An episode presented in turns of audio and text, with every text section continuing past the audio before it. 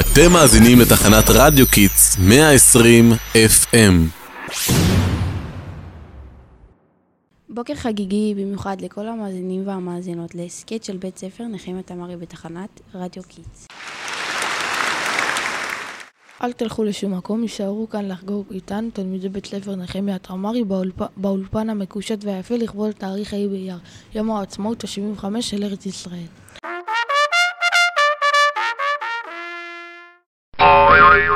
אוי, שתיזהרי, מה קרה לך? נתקלתי בדגל הזה שעומד פה, אאוץ', מי עוזר לי לקום? הופה, תני יד. רגע, מישהו מוכן להסביר לי למה הדגל הזה לא נמצא למעלה? נכון, נכון, טעות. הוא כבר היה אמור להיות בראש התורן. ביום הזיכרון הורדנו אותו לחצי תורן ושכחנו להחזיר. אז קדימה, למה מחכים? בואו נניף אותו אל על.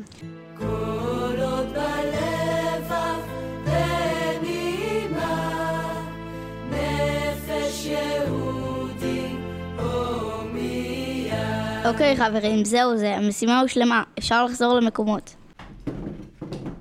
ובכן, כבר הרמנו את הדגל לגובה המתאים. מה עכשיו, זיקוקים? סבלנות חברים, סבלנות. לפני הזיקוקים את, את לא חושבת שהמאזינים שלנו צריכים לדעת איך נבחר המנון מדינת ישראל? ברור שהם צריכים לדעת. פרט חשוב כזה, מי לא יודע?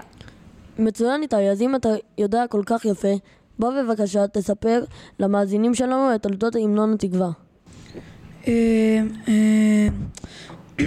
זהו, שבעצם אני לא כל כך יודע מאיפה הגיע המנון הזה. זכור לי משהו על רומניה אבל. רומניה? מה הקשר רומניה? זה לא אמור להיות המנון ישראלי? בטח ישראלי, מה השאלה? אלא שההשראה להמנון הזה התגלתה בכלל ברומניה. כאשר המשורר הישראלי נפתלי הרץ אמבר התארח בבית ידידו, משכיל יהודי מקומי. אה, זה הוא שכתב את ההמנון? שווה, יש אפילו רחוב על שמו בבאר שבע. נכון, לא רק בבאר שבע, גם בנתניה. אבל בכל אופן, כשהיה ברומניה בשנת 1878 הוא חיבר שיר עם תשעה בתים ושם תקוותנו. השיר תקוותנו ביטא געגועים לירושלים וציפייה לגאולה ולרחמי האל. נשדרו בו ציטוטים מהתנ"ך. וואו, מעניין, ומתי שינו לו את השם, ואיך זה הפך להיות ההמנון הרשמי? שאלה נפלאה. עכשיו נקרא לתלמידי כיתה ו'3 לבוא לענות עליה. וגם להצטרף אלינו לזיקוקים ולחגיגות. קדימה, קבלו אותם לאולפן בשירה ובריקודים.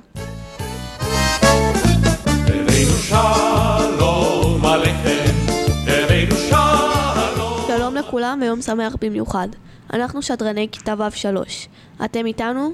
ברור שהם איתנו. הם סקרנים לשמוע את המשך גלגולו של ההמנון. אז איפה עצרנו? אוקיי.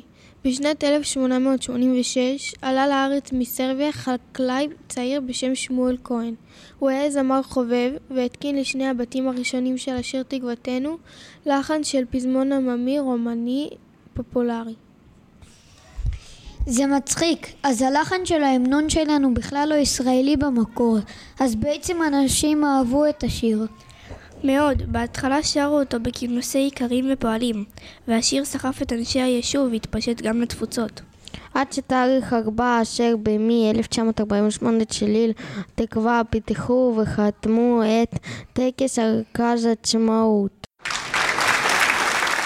השיר התקווה כהמנון המדינה, והוא מושמע בטקסים ממלכתיים, ציבוריים ואחרים. וגם בטקס היפה שנערוך היום, כאן באולפני קול נחמיה תמרי, בתחנת רדיו Kids.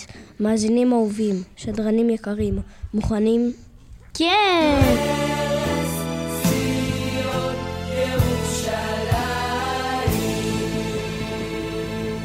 איזה כיף כאן באולפן הזה, כמה אחדות וכבוד יש כאן בין השדרנים שלנו. תאמינו לי, זו העצמאות האמיתית. לחיות פה יחד בארץ שלנו באחדות, אהבה וגאווה יהודית. נכון, צודקת לגמרי, ועכשיו לזיקוקים. תודה שהייתם איתנו, מאזינים יקרים. היי, hey, בדיוק עוד מעט מתחיל שידור החי של חידון התנ"ך העולמי. כאן בארץ הקטנה והיפה שלנו. היי, hey, אני רץ לצפות. המשך יום חגיגי לכולם. אנחנו היינו קול נחמיה תמרי מתחנת רדיו Kids. רדיו שמשדר על הגל שלכם. ביי ביי.